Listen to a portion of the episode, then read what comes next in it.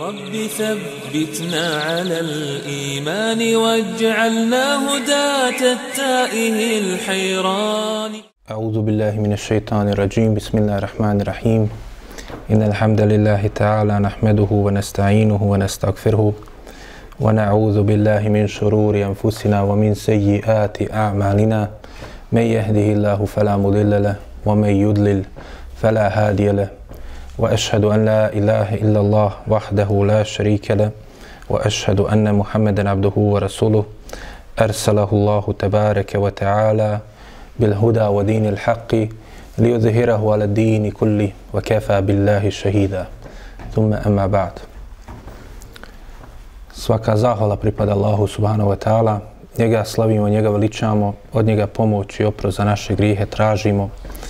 Neka je salavat i selam na njegovog posljednjeg poslanika, njegovog odabranika i miljenika, našeg predvodnika Muhameda sallallahu alaihi wa sallam, njegovu časnu porodcu, sve njegove plemenite ashabe, kao i one koji slijede njihov put do sudnjega dana.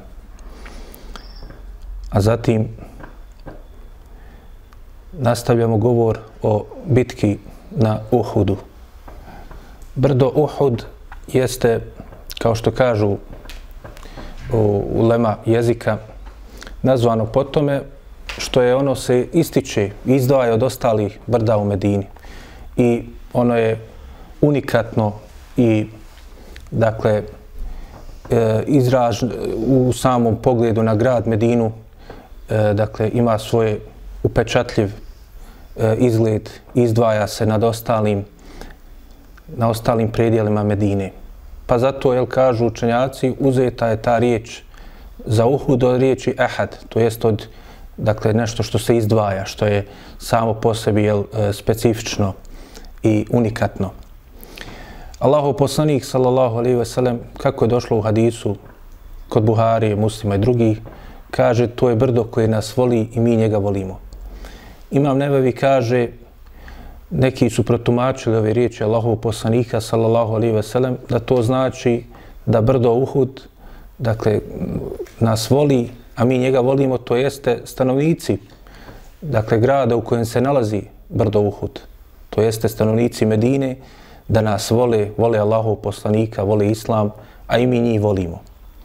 Ali kao što kaže Imam Nevevi dalje, ono je u vanjštini, kako je rekao poslanik sallallahu, sallallahu alaihi veselem, tako ga treba i protumačiti. To jeste da je Allah uzvišeni odlikovo to brdo i time što ono dakle, ima svoju ljubav prema Allahovom poslaniku i njegovim ashabima, a i oni prema njemu. Allah najbolje zna kako ali Allah je sve moguć, pa je dao dakle, tu dakle, svojstvenost ovome brdu. Allahov poslanik Muhammed sallallahu alaihi ve sellem kao što smo vidjeli, nije želio da izađe da se bitka desi baš kod ovog brda, brda Uhud, nego je želio da dočeka mušike unutar Medine. Spomenuli smo da je to mišljenje bilo i bolje i ispravnije Allahov poslanik sallallahu alejhi ve sellem usnio je san koji mu ukazivao na to i oni od najodabranija sahaba, iskusnijih, starijih, mudrih ashaba također su podržali taj stav. Pa čak i Abdullah ibn Ubej ibn Salul, predvodnik munafika, i on je podržao, ali i svoji razloga zato što je želio da na taj način da izbjegne borbu. Jer bi ostao u svojoj kući, štitio svoju kuću i ne bi morao da učestvuje sa ostalima u borbi. No međutim, većina sahaba koji su predstavljali jel, većinu onih koji su e, propustili bitku na Bedru. Kao što znamo, vrlo malo je bilo učesnika bitke na Bedru. Samo najodabraniji. Pa su sada ovi drugi koji nisu imali tu čast i počast da učestvuju na Bedru, a mnogi od njih su bili od omladine, od mladića, žel da izađu i da se pokažu u borbi. I oni su imali svoje razloge koje smo spominjali i videli smo, dakle, svaka od tih skupina, i od Ensarije, i od e, Muhađira, imali su dobar razlog, ali taj razlog je bio slabiji nasprem onoga što je poslanik, sallallahu alejhi ve sellem bio odabrao kao mišljenje.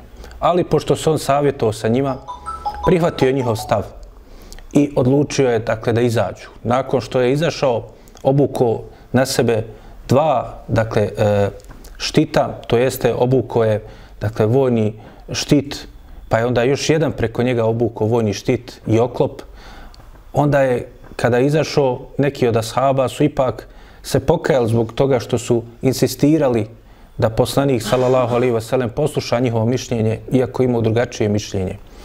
Ali je Allahu poslanik, sallallahu alaihi wasallam, rekao da ne priliči poslaniku kada se kada obuče vojnu opremu, da onda se vraća, da je jel skida i da odustaje od svoga izlaska. Pa je odlučio da nastavi.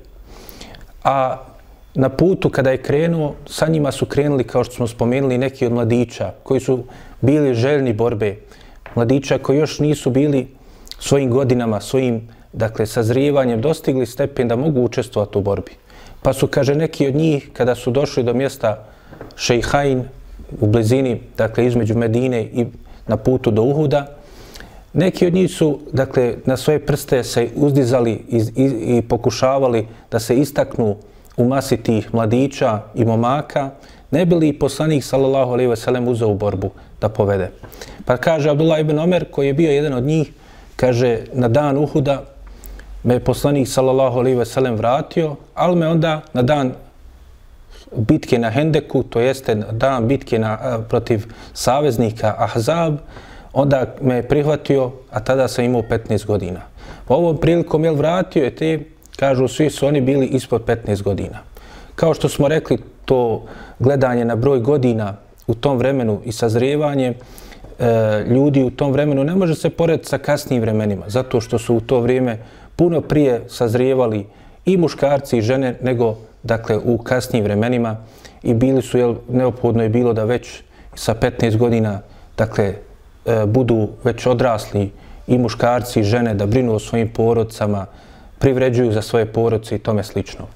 Allahu poslanik sallallahu alaihi ve sellem vidimo dakle u ovom momentu također vodi računa dakle o godinama tih mladića, iako su oni željni borbe, iako su jel, e, pokušavali na svaki način da poslanika, sallallahu alaihi ve sellem, postaknu da ih povede sa sobom, alaikum salam. No međutim, bilo je neophodno da se vodi računa i o tome je vodio račun Allahu poslanik, sallallahu alejhi ve sellem, da su oni još uvijek nedorasli, da će im možda ponijeti njihov mladalački zanos, pa će uraditi nešto nepromišljeno u bitci i u tim momentima kada bitka bude u svome punom jeku, možda će jel, u borbi koja je prsa, u prsa, da neki od njih možda ustuknu ili možda jel, dođe do nekog nepromišljenog poteza sa, nišnje, sa njihove strane, pa da nanesu štetu samoj borbi. I zato je poslanik, sallallahu alaihi ve sellem, ih odbio. Spomenuli smo jel, da su to bili od najodobranijih mladića koji će kasnije, kada jel, sazriju i budu već dorasli, onda ih prihvatiti, kao što ovdje vidimo, spominje Abdullah ibn Omer, sin Omera ibn Khattaba radijallahu anhu, koji će jel, na, biti njegovo učešće prvo u bici na Hendeku. Spomenuli smo da je prihvatio samo dvojicu mladića od tih koji su jel, pokazali se da su zreli, imali su posebnosti svoje i svoje neke vještine koje su bile neophodne.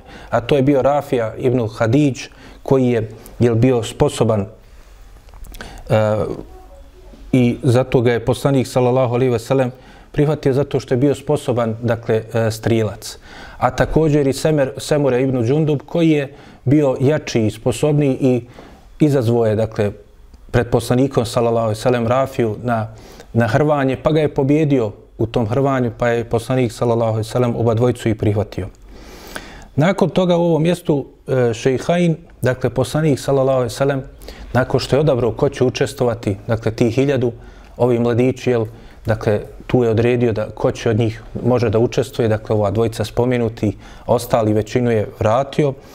Onda je poslanik sallallahu alihi ve sellem tu klanjao akšam, pa je onda posle toga i klanjao jaciju i onda su jedno vrijeme tu, dakle, e, jedno vrijeme su proveli odmarajući se i spavajući.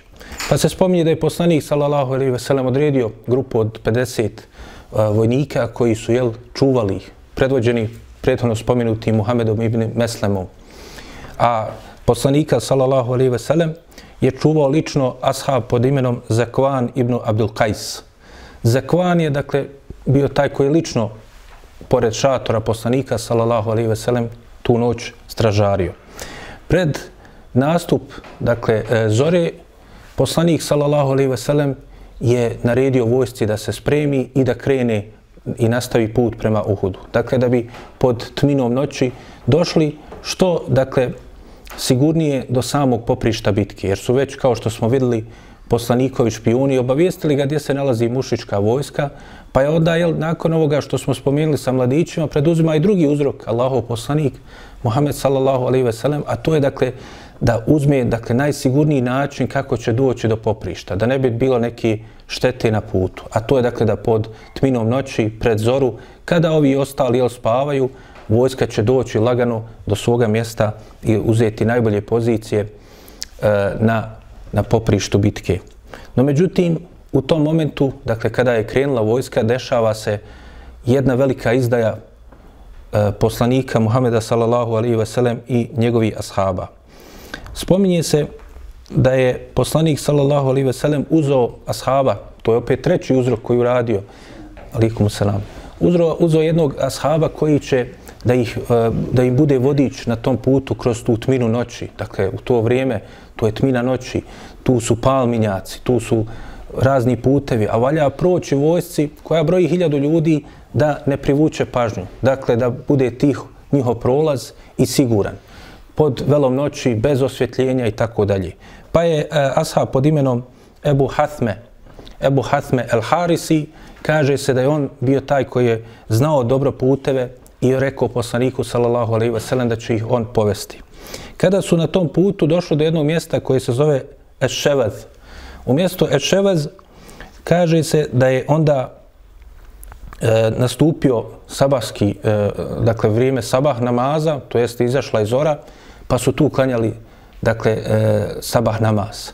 A Abdullah ibn Ubej ibn Salul, predvodnik munafika koji je el, krenuo zajedno sa njima, nije ostao, iako je smatrao da treba i da ostanu u Medini, krenuo je na put i onda u ovom momentu, kada su jel, već se podosta približili samom Uhudu, onda on pravi izdaju. Tako što skupinu, kako se spominje, oko 300 njih koji su, mu, jel, koji su ga slijedili, dakle, uspijeva da ubijedi da se oni vrate i da ne nastavi put dalje prema Uhudu. Govoreći, Abdullah ibn Ubej ibn Salul govorio je, Allahov poslanik kaže, je, nije želio da me posluša, poslušao je, kaže, djecu i ovu omladinu, a nije mene iskusno želio da posluša i ne želimo mi da idemo tamo da džaba ginemo, nego ćemo se mi vratiti, dakle, vratit ćemo se u e, Medinu i štititi svoje domove. Naravno, on je ovo uradio planski, dakle, on je u samom startu nije želio da učestvuje i da prisustvoje borbi i da dođe do borbe. Ovo je uradio zato da bi je oslabio muslimane u samom putu. Jer mogo je odmah da ostane sa svojim pristalicama, da ne kreni uopšte na ovaj put.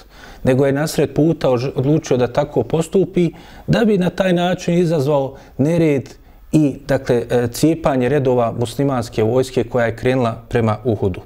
I to je u jednu ruku mu i uspjelo, zato što je jel, ove njegove pristalice i oni koji se povodili za njima, dakle, ukupno od tih hiljadu, spominje se da oko 300 je njih, onda njega poslušalo. Spominje se da je Abdullah, sin e, Amra ibn Harama, to jeste babo od Džabira ibn Abdullaha, poznatoga sahaba, a vidjet ćemo šta će se desiti sa njima u samom, samim događajima bitke, je otišao i pokušao da ih zaustavi. Pa im govorio, kaže, nemojte to raditi o ljudi, kaže, zar ćete da napustite e, bitku, spominjem vas i opominjem Allahom uzvišenim, kaže, zar ćete napustiti svoj narod i svoga poslanika i prepustiti ih, dakle, neprijateljima koji su već došli. A ovi su odgovarali, naravno, opet lažno. Govorili su, kaže, da znamo da će doći do borbe, mi bi išli, ali mi mislimo da neće biti borbe. Znači, lagali su i govorili, mislimo da neće biti borbe, ovaj vak, naš vakav izlazak, niste nas poslušali, oni tamo kod Uhuda, neće ni biti borbe, to će jednostavno biti, jel, e, opet dokazujući sa nekim prethodnim događajima kada na kraju nije došlo do bitke, nego samo će se dvije vojske, jel, jedna naspram druge stati i neće doći do istinske borbe. Kao što se jel, i desilo u nekim situacijama prethodno, ali u ovoj prilici i oni su sami znali da se to neće desiti, zato što su mušici došli krajnje ozbiljno i naoružani i spremni i brojni sa velikim brojem ljudi spremni dakle da pokušaju da dokrajče Allahov poslanika Muhameda sallallahu alejhi ve sellem i time i samu vjeru islam. Pa su se jel, e, e, odbili e, da, dakle, da poslušaju e, Abdullaha ibn Amra ibn Harama i nastavili su u svome povratku prema Medini. Pa je za njima povikao Abdullah ibn Amr ibn al-Haram i rekao, kaže, Allah vas udaljio, Allahovi neprijatelji, Allah uzvišeni će nadomjestiti i biti dovoljan svome poslaniku e, e, tak, i sačuvat ga. Pa kaže se da je u povodu ovoga objavljen jedan od ajeta koji smo rekli u odlomku iz sure Al Imran koji govori upravo o bitki na Uhudu.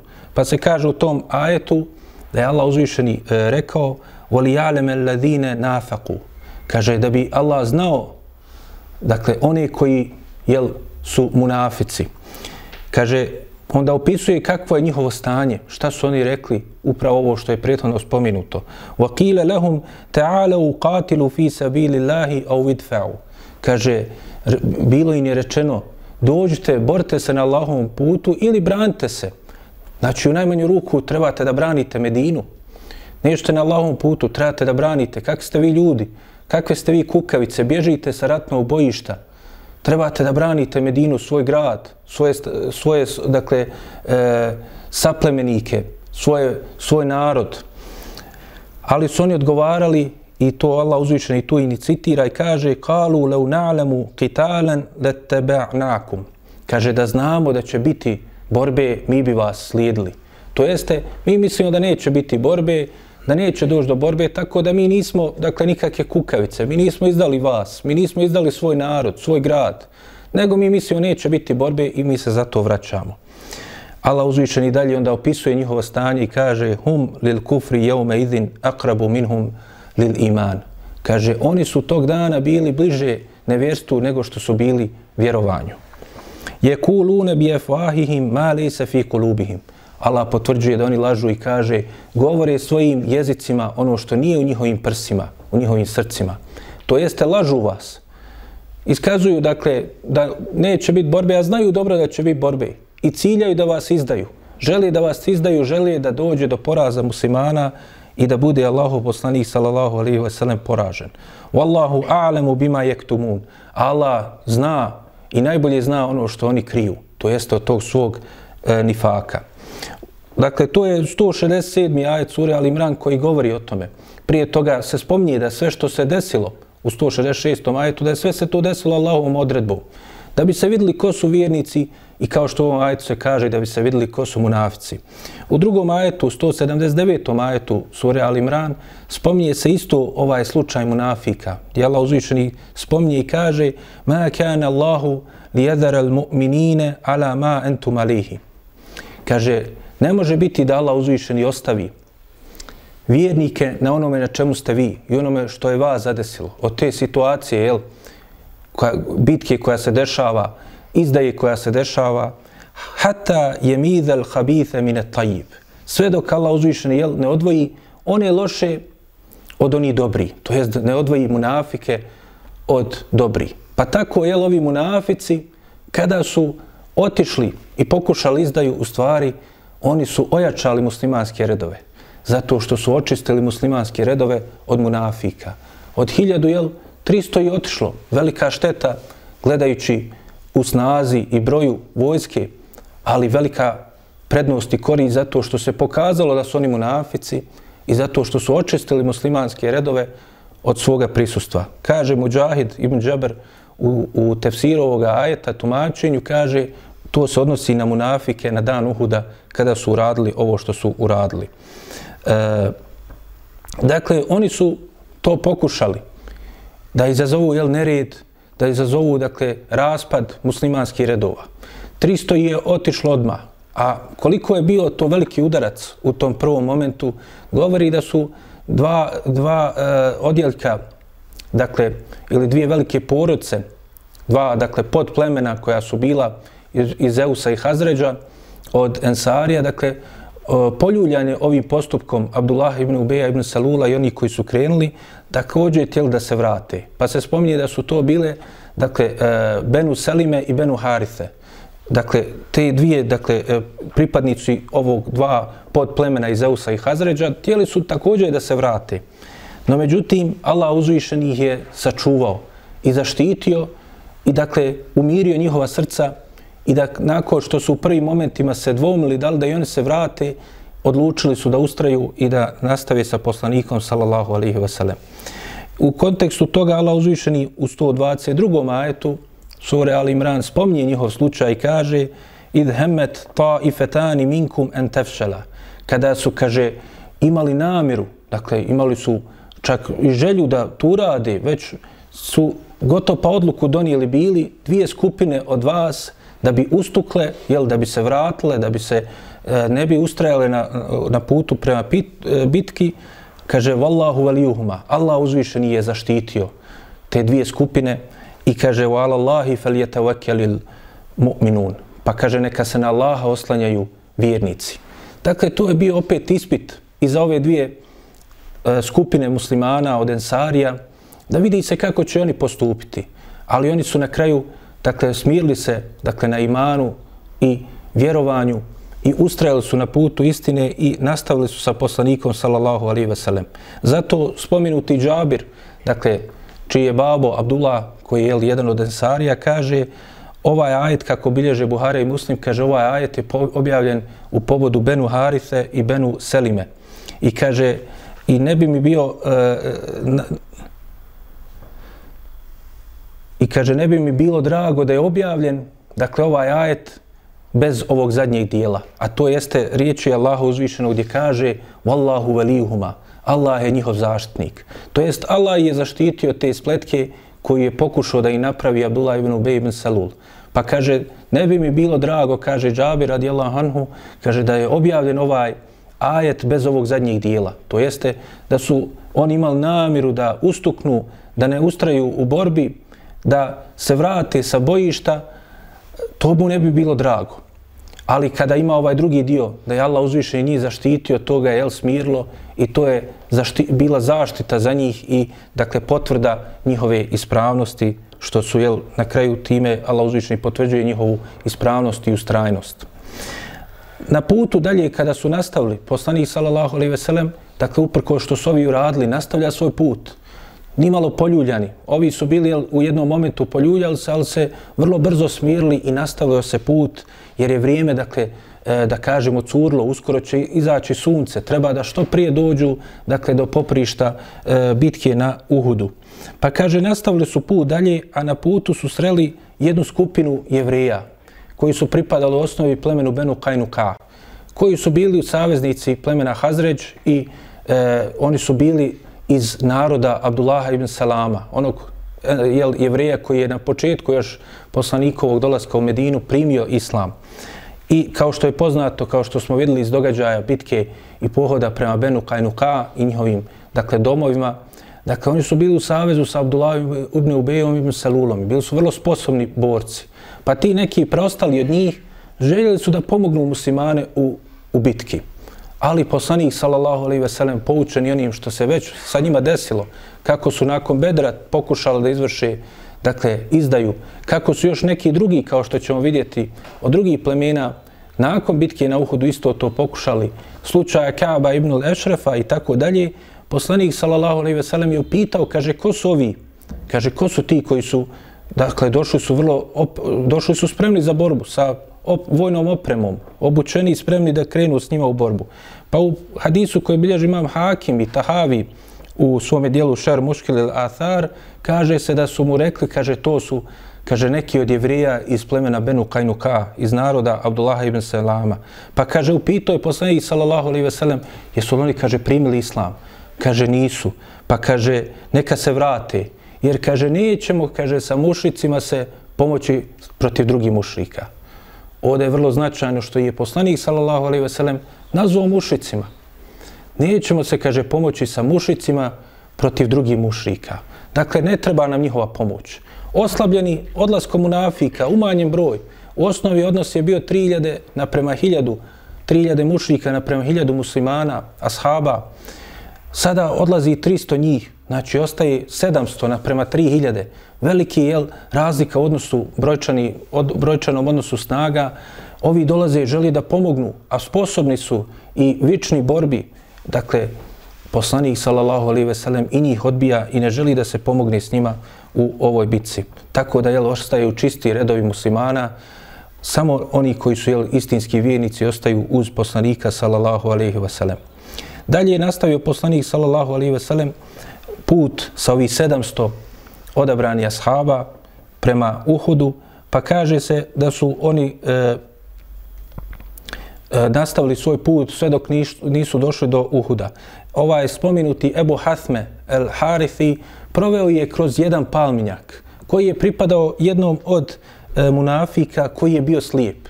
Dakle, imao je svoj posjed na kojem imao veliki palminjak, čovjek pod imenom e, Mirbija el Qajdi. Taj Mirbija, kaže, kada je čuo dakle, vojsku kako prolazi kroz njegov posjed, onda je počeo da im viče i govori da, kaže, ne prolazi. Po, uzo je prašinu u svoje ruke i bacao prema njima i govorio im, bježite, odlazite. Pa, kaže, rekli su mu, tu je i poslanik. A on je odgovorio, kaže, čak i da je Allahov poslanik, ja mu ne dam da odavde prolazi. Dakle, iskazuje taj munafik svoje, svoje dakle, nevjerstvo e, u tim riječima. Pa je, kaže, neko da sahaba rekao Allahom poslaniku, sallallahu alaihi ve sellem, kaže, da skinemo glavu ovom munafiku, Allahov poslaniće. Pa je poslanik, sallallahu alaihi ve sellem, to nije dozvolio i rekao, kaže, Allah je oslijepio njegov vid, pa kaže i oslijepio je i njegovo srce kao što je oslijepio njegov vid i pustite ga. No međutim, prije nego što je to rekao Allahu poslanik sallallahu alaihi ve sellem, jedan ashab pod imenom e, Sa'd ibn Zaid eh, el-Ešheli uh, je, kaže, zamahnuo svojom sabljom i povrijedio ovog munafika, ali, dakle, on je preživio i, dakle, e, nije ga time ubio.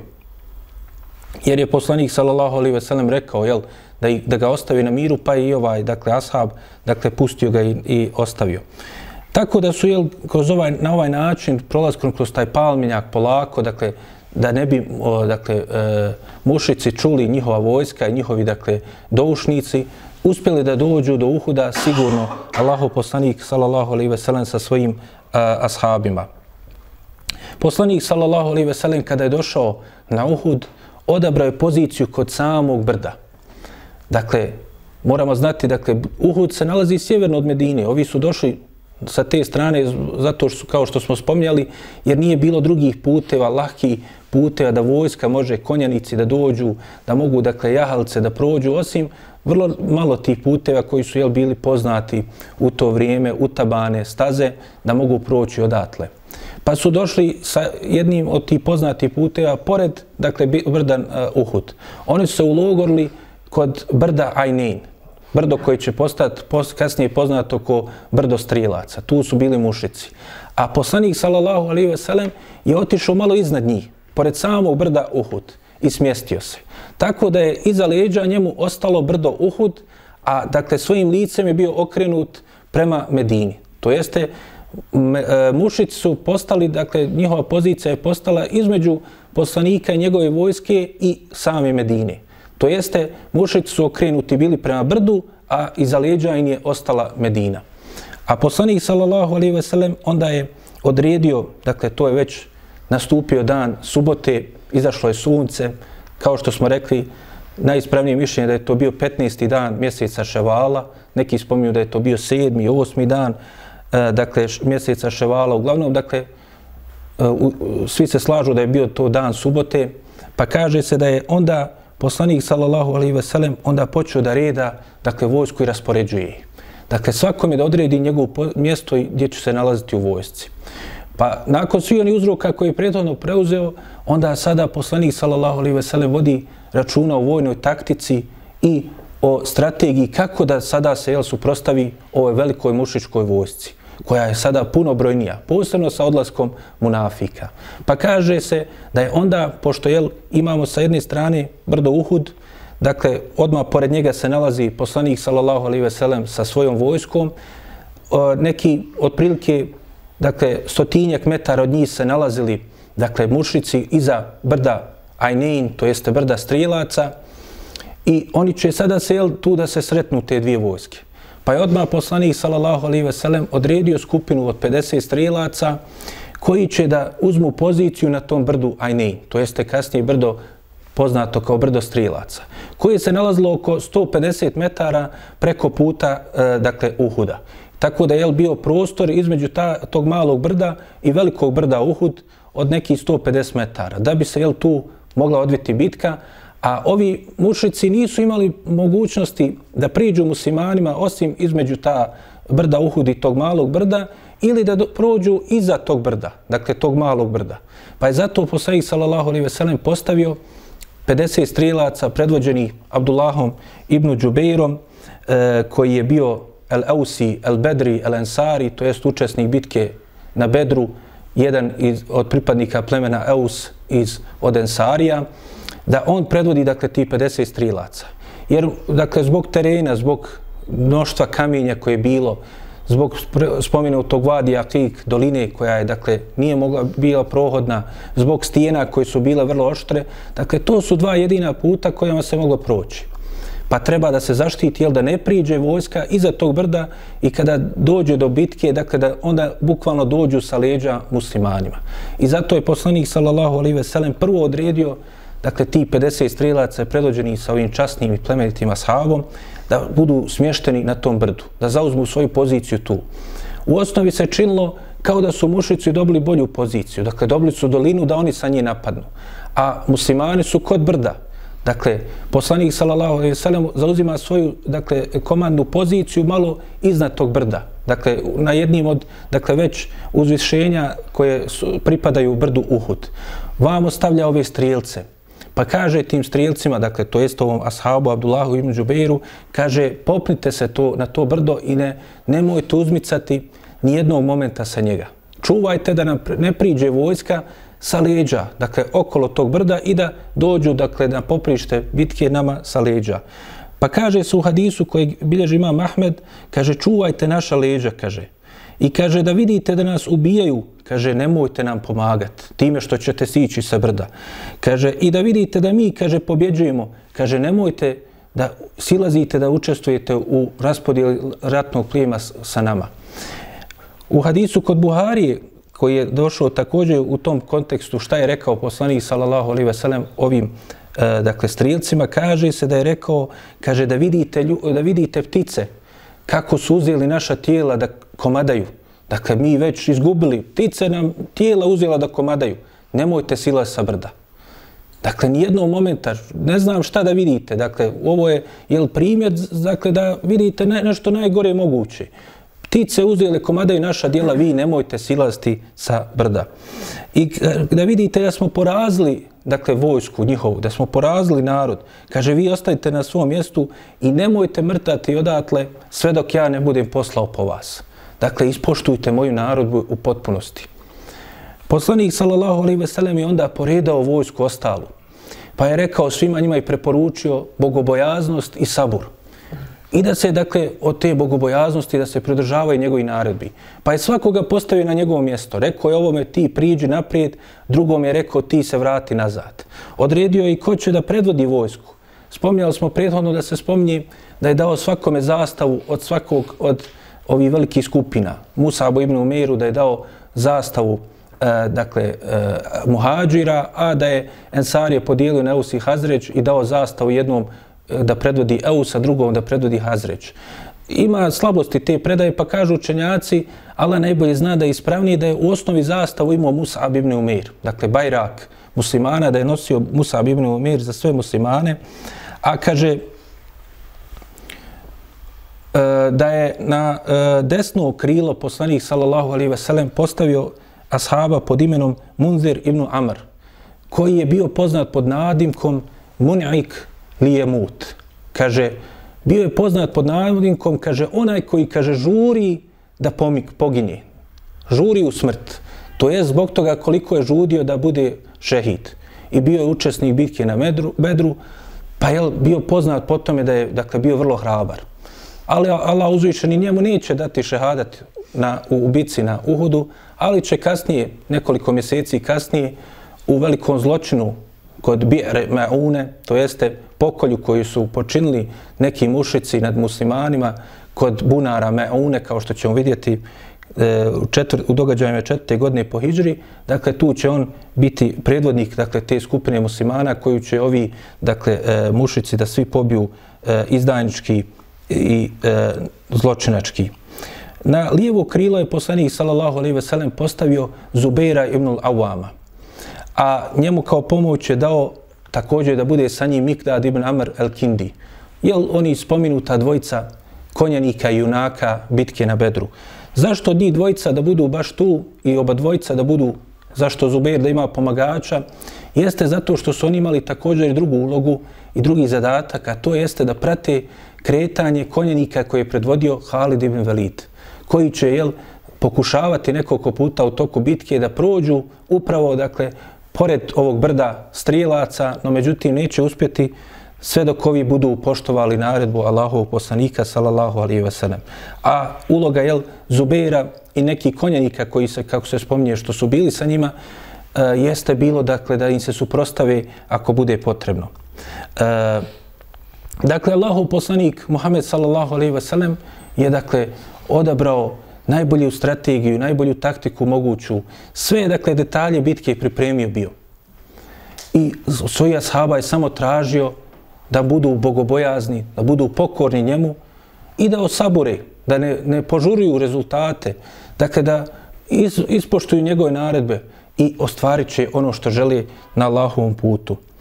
E, poslanik sallallahu alaihi ve sellem nakon toga poduzima još jedan uzrok, a to je dakle da je izašao pred ove ashabe koji su ovako poredani i rekao im nakon što im je naredio rekao da niko od njih ne pravi ni jedan pokret sve dok im on sallallahu alaihi ve sellem to ne dozvoli i naredi kao glavni komandant, onda je također izašao nakon toga i počeo i posticati na borbu. Pa kaže, izašao je poslanik sallallahu alaihi ve sellem i posticao na borbu, posticao i na žrtvovanje Allahom putu, upozoravao ih na nepokornost, na eventualno izazivanje, dakle, cijepanje redova i e, nejedinstva koje su loše posljedice toga, posticao i na sabur i onda nakon toga je poslanik sallallahu alejhi ve sellem u jednom momentu kaže i sukao svoju sablju i svoji korica i podigao i rekao kaže ko će uzeti ovu sablju i ponijeti je?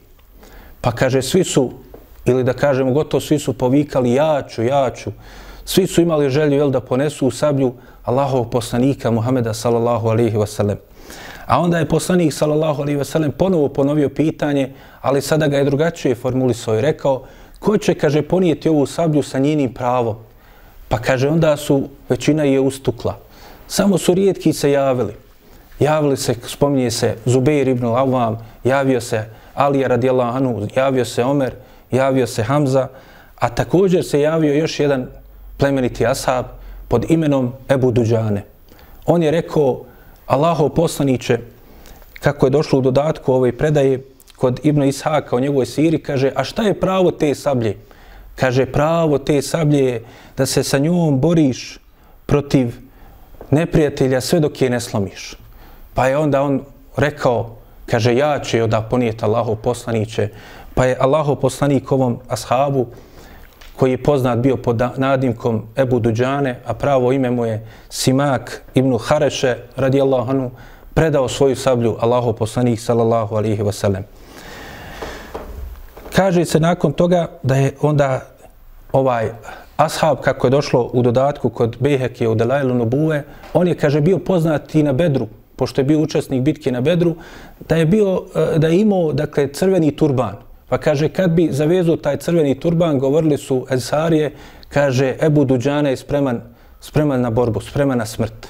Pa kaže, nakon ovoga je također tu radio. E, dakle, ovaj dio je zabilježio imam eh, Ahmed ima Muslim u svojem sahihu.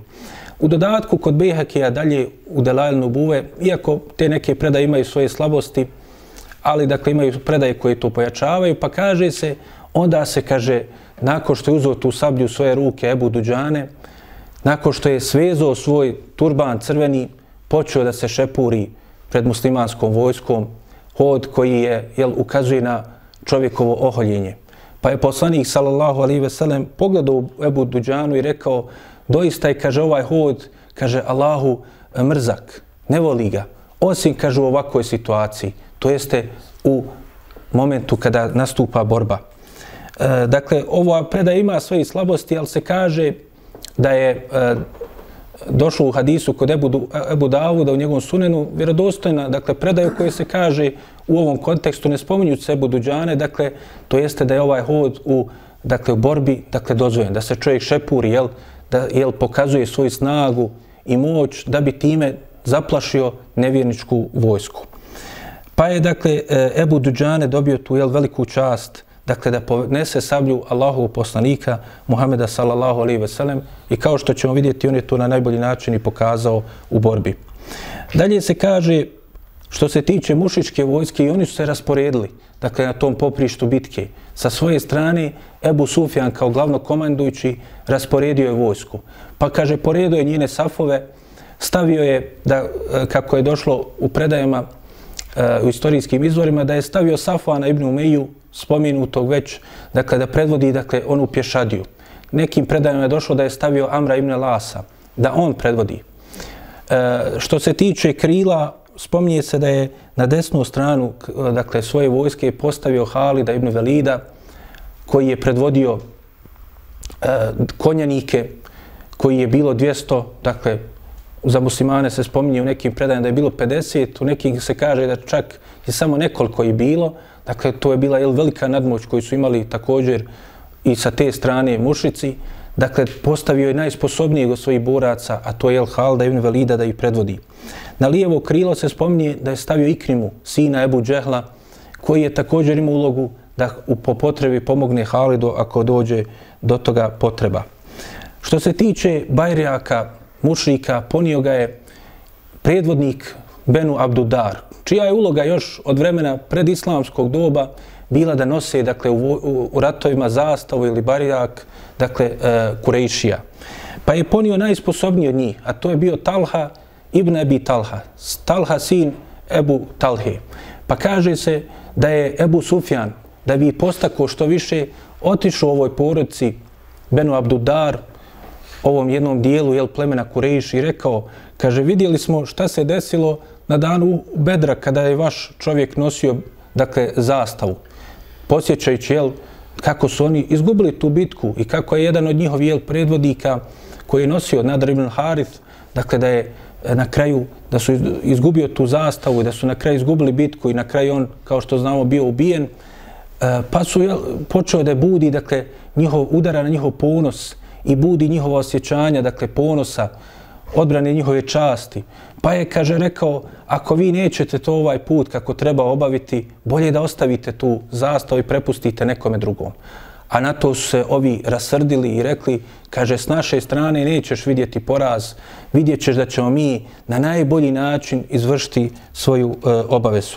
I time je Ebu Sufjan probudio, dakle, tu njihovu ljutnju i sržbu i po, po, podigao njihov borbeni moral, tako da su njihovi predvodnici, kao što ćemo vidjeti, nositelji zastave, do smrti se borili branići tu zastavu. Nakon toga Ebu Sufjan radi još jednu stvar pokušavajući jel, još u startu da dovede do nereda u muslimanskim redovima i pokuša na svoju stranu da, pre, dakle, da, da dovede e, bitku e, u, u korist njih. Pa kaže se, prvo što je uradio jeste da je pozvao Ensarije Dakle, na poprištu bitke, sada su vojske već raspoređene.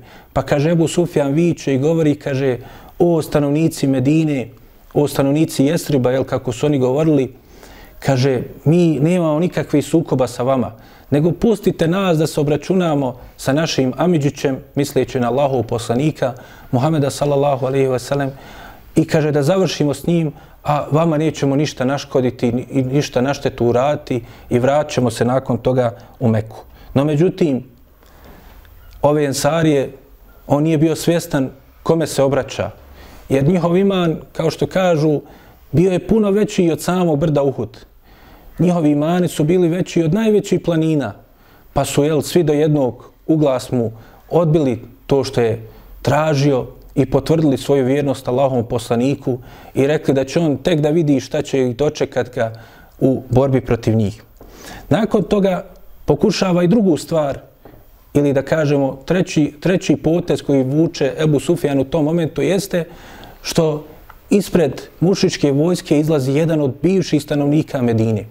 Spominjali smo ga nekad na početku događaja uh, nakon Hidžre, da je on napustio bio Medinu i otišao da živi u Meku. Taj čovjek imao ime Ebu Amir Ar-Rahib. Dakle, bio je poznat među stanovnicima E, Medine kao, dakle, isposnik, kao monah. Dakle, zbog svoje e, pobožnosti. I bio je predvodnik plemena Eus. Pa kada je poslanik, sallallahu alaihi ve sellem, za razliku od Abdullah ibn Ubej ibn Salula, koji je ostao u Medini, dakle, a bio je predvodnik plemena Hazreć, ovaj je pobjegao iz Medine i govorio protiv poslanika, sallallahu alaihi ve sellem, pridružio se mušicima, posticao Kurešije u borbu protiv muslimana, pa ga je poslanik, sallallahu alaihi ve sellem, nazvao Ebu Amir el Fasik. Nazvao ga je, kaže, Ebu Amir pokvarenjak, zbog tih svojih postupaka. Njegovo ime je pravo bilo, kaže se, Abdul eh, Amr es-Saif, Abdul Amr es-Saifi. Pa je, kaže, on izašao pred eh, e, mušike, a on je prethodno obećavao Ebu Sufjanu, vidjet ćeš kad dođemo do Medine, moji saplemenici iz plemena Aus, on će mene podržati. Oni su mene jel, hvalili, volili, poštovali. Pa vidjet ćeš kako će se oni odazvati mome pozivu. Pa izašao pred njih i rekao, o pripadnici plemena Eus, odazovite mi se, ostavite Muhameda, ostavite muslimane, pridružite se nama, vratite ponos nama zajedno sa Kurešijama, jel, mi ćemo ovdje da budemo ponosni.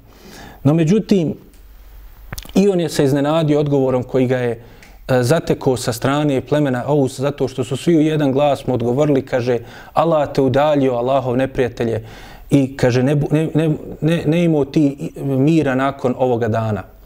Kada je čuo njihov odgovor, to jest njihovo odbijanje i njihovu dovu protiv njega, rekao je, kaže, doista se mome narodu nakon mog odlaska desilo neko zlo. Pa kaže se, on će u ovoj bici čak iskopati jednu rupu, pokušavajući jel, da muslimanskoj vojsci napravi zamku, koju će čak i Allahov poslanik, salallahu alaihi wasallam, u jednom momentu, dakle, da upadne, ali, dakle, neće ostvariti to što je mislio, pa će borati biti, e, pa će se uspjeti spasti na poprištu bitke na Uhudu, vrati se u Meku, u kojoj će provesti svo vrijeme, dok e, muslimani jel, ne oslobode Meku, a nakon toga će pobjeći, kao što se spominje, u Bizantiju i tamo će da, e, dakle, da skonča i da propadne ovaj pokvarenjak. Kako je došlo kod e, Ibn Kethira, El Bidajeva, Nihaje i u drugim izvorima. Tako dakle da ovi pokušaj unošenja nereda i cijepanja muslimanskih redova mušicima nisu uspjeli. Sa druge strane, mušici, kao što smo rekli, poveli su i svoje žene. Pa se spominje, one su u ovim momentima počele da pjevaju pjesme, udaraju u defove i, bubnja, i u bubnjeve, postičući mušike, pjevajući jel, stihove koji ih postiču, što bi rekli, domoljubne pjesme, patriotske, da brane i da se sjećaju svojih žrtava, da se sjećaju onoga što je nanešeno štete, kako oni smatraju, od strane Allahov poslanika i muslimana e, Meki. I također bili su iza jel, redova dakle, vojske, tako da ako bi ko htio da pokuša da pobjegne sa bojišta, da se postidi jel, što će morati da bježi pored žena u tom momentu. Nakon toga spominje se da je počela borba. Kaže se da je ovaj spominuti Talha, Ibn Abi Talha, dakle ta, onaj koji je nosio dakle zastavu mušika, izašao na svojoj devi, a bio je, kažu, jedan od najsposobnijih boraca koji su mušik, mušici imali, koji je, E, dakle, njegova pojava sama po sebi je izazivala strah kod protivnika. Pa izašao ispred mušičke vojske i počeo da poziva na dvoboj. Ko će da mu izađe? Pa je govorio, kaže, vi muslimani kažete da onaj koji padne od nas, od vaše za, uh, sablje, da će u džahenem. A onaj koji od vas padne od naše sablje, da će u dženet. Pa kaže, ko će od vas izaći? Pa da ga ili ja svojom sabljom pošaljem u dženet, ili da vi mene pošaljete svojom sabljom, sabljom u džahenem. Ismijavajući se jel, na taj način sa vjerovanjem muslimana. Pa kaže se da je izašao ili Zubeir ibn Awam, O nekim predajama se spominje da je to bio Alija ibn Abi Talib. Dva velika jel, viteza Islama. U svakom slučaju, Allah najbolje zna, kaže se da je izašao Zubeir ibn Awam, da je on izašao pred njega. I kaže, navalio je poput lava na njega. Pa kaže, ovaj je bio sa svojom, dakle, sabljom i sa svojom zastavom na devi. Deva je visoka, dakle, životinja. A kaže, poput lava je na njega navalio Zubeir i kaže, u jednom momentu se uspio već, dakle, s jednim skokom da se popne na tu devu, da ovog, dakle, strašnog borca skine sa te deve, da ga gurne, kaže, i sa zamahom svoje sablje uspio je da ga, kaže, ubije. Što je naravno izazvalo veliki strah u redovima mušrika. Allahu poslanik, sallallahu alaihi ve sellem, kad je vidio taj postupak Zubeira ibn Lavama, kaže, zatekbiro je, a i zatekbirali su ostali muslimani, govoreći Allahu ekber, i kaže, između ostalo kažu neki od učenjaka, da je tom prilikom rekao kako je došlo u predaj kod imama Tirmizije neki drugi hadis koji osnovi kod Buharije, ali kaže se u ovim hadisima drugim koji, koji nisu na stepenu vjerodostojnosti kao kod Buharije, da je tom prilikom za njega poslanik sallallahu alejhi ve sellem rekao, kaže svaki poslanik ima svoje havarijune, a moj havari, to jest moj pomagač, havarijun kažu u tumačenju riječi da znači pomagač, je kaže Zubeir ibn al-Awam. Zbog toga jel, što je uradio i u ovoj bitci, a i prije toga na, na Bedru i mnogim drugim prilikama uz poslanika sallallahu alaihi wasallam. Nakon toga se, kaže, rasplansala borba i težište bitke je bilo oko te zastave. Jer u tom momentu zastava mušrika je pala. Jer je pao onaj koji je nosio taj zastavnik Talha ibn Ebi Talha. Pa je, kaže, prišao njegov brat Ebu Šejbe, kojim je bilo ime Osman, sin Ebu Talhe. Pa kaže, onda je on podigao tu zastavu a onda je na njega navalio Hamza ibn Abdul Mutalib, pa kaže, nakon što je ovaj podigo zastavu i krenuo u borbu, Hamza je za svojom sabljom zamahnuo tako da je, kaže, odsjekao mu čitavu stranu i, i čitavu ruku u kojoj je držao tu zastavu, tako da je ovaj pao i opet je pala, dakle, ta zastava. Nakon toga prišao je treći brat, znači trojica braće, ono što smo prethodno post, e, spominjali kako je Ebu Sufjan probudio u njima, dakle tu, dakle e, ljubomoru, tu, dakle taj njihov ponos i e, njihovu sržbu i, i, i ljutnju. Pa kaže treći od ove braće također prihva, e, prilazi i uzima tablju, e, sablju. Njemu ime e, bilo Ebu Saad, sin Ebu Talhe. Pa je onda na njega navalio četvrti vitez ili treći vitez Islama, a to je Saad ibn Abi Waqas. Pa je, kaže, on brzo završio sa njim. Pa je ponovo pala, pala sablja. Pa je nakon toga sablju uzeo sin od ovog Talhe ibn Abi Talhe pod imenom Musafije. Musafije, sin Talhe ibn Abi Talhe, uzeo je dakle, tu sablju i ponio, uzeo je tu e, zastavu i ponio je. Pa je, kaže se, onda nakon toga prišao mu Asim ibn Thabit. Pa kaže, i on je brzo završio sa njim. I ponovo je, dakle, e, e zastava pala. Nakon toga je njegov brat, dakle drugi sin od Talhe ibn Abi Talhe, pod imenom El Harith, uzo on tu zastavu da ponese. Pa kaže, nakon toga je ponovo prišao Asim ibn Abi Sabit, pa kaže, e, gađao ga sa svojim kopljem i probao i tako je da je opet pala dakle, e, ta zastava. Nakon toga, njihova majka koja je e, bila tu prisutna, znači supruga od ovog Talhe ibn Abi Talhe pod imenom Sulafa, I kada je videla što joj se dešava, e, onda je se, kaže, zaklijela i uzela zavjet da će, kaže, iz lobanje Asima ibn, ibn Thabita piti vino. Time da se jel, osvijeti, dakle, za to što je uradio sa njenim suprugom i njenim sinovima. Pa je, kaže, treći njen sin, ili treći sin Talhe ibn Abi Talhe pod imenom Kilab, onda je on uzeo i ponio zastavu, pa kaže, onda mu je prišao Zubair ibn Avam, pa je i s njim završio. Tako da su, kaže, poginuli e, i djeca Talhe ibn Abi Talhe, poginuli su, dakle, i njegova dva brata i, kaže, nakon toga više nije imao ko da ponese e, tu zastavu iz ove porodce Benu Abudi Dar. Nakon toga su, kaže, e, zastavu ponio čovjek pod imenom Ertat ibn Šurahbil. Pa, kaže, onda je njemu prišao Alija ibn Abi Talib, pa je, kaže, i on ga uspio savladati. I opet je pala zastava. E, nakon toga je prišao drugi čovjek pod imenom Šurejh ibn Karif, pa je i njega, kaže, vrlo brzo savladao čovjek, a ovdje je interesantno što je taj čovjek bio u osnovi munafik. Ime mu je bilo Kuzman. Kuzman je, kaže, bio munafik, ali, kaže, on se borio zato što je žudio za junaštvo u ovoj bitci, zato što je želio, dakle, da se istakne u bitci. Dakle, radi Dunjalka se borio, ne radi Allaha uzvišenog. Pa, kaže, uspio je, dakle, da savlada ovog borca, Nakon toga je, kaže, e, prišao e, drugi čovjek pod imenom Ebu Jezid ibn Umeir, pa kaže, i njega je savladao ovaj Kuzman, i tako da je opet pala zastava, spominje se, dakle, 11 ljudi koji su nosili tu zastavu, sve do jednog su, jel, jedne za drugim muslimani savladavali. I kaže se da su oni jel, bili svi iz ovog pomena Benu Abdudar. Većina je bila iz ove dakle, porodce Talhe ibn Abi Talhe, a ostali, kao što vidimo, su također jel, bili iz te šire porodce. Nakon toga, kaže, više nije ostao ko će je ponijeti, pa je, kaže, e, prišao e, jedan, e, dakle, od, e, dakle, abesinskih robova, pa je onda on je ponio.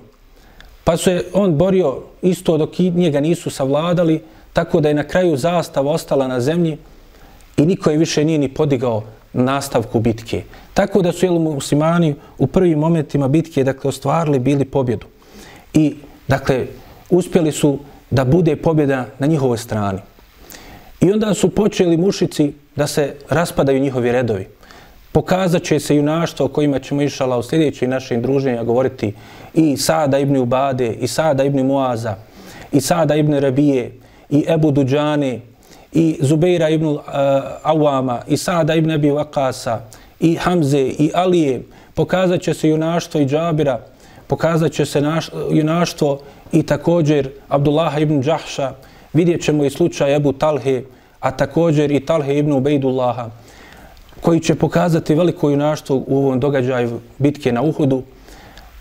Uglavnom, dakle, kaže se da su onda mušici toliko je nered nastupio u njihovim redovima da spominju neki od koji su prisustvali jel, bitki poput Bera ibn Aziba koji je bio do nje djece koji nisu učestvovali u samoj bitci.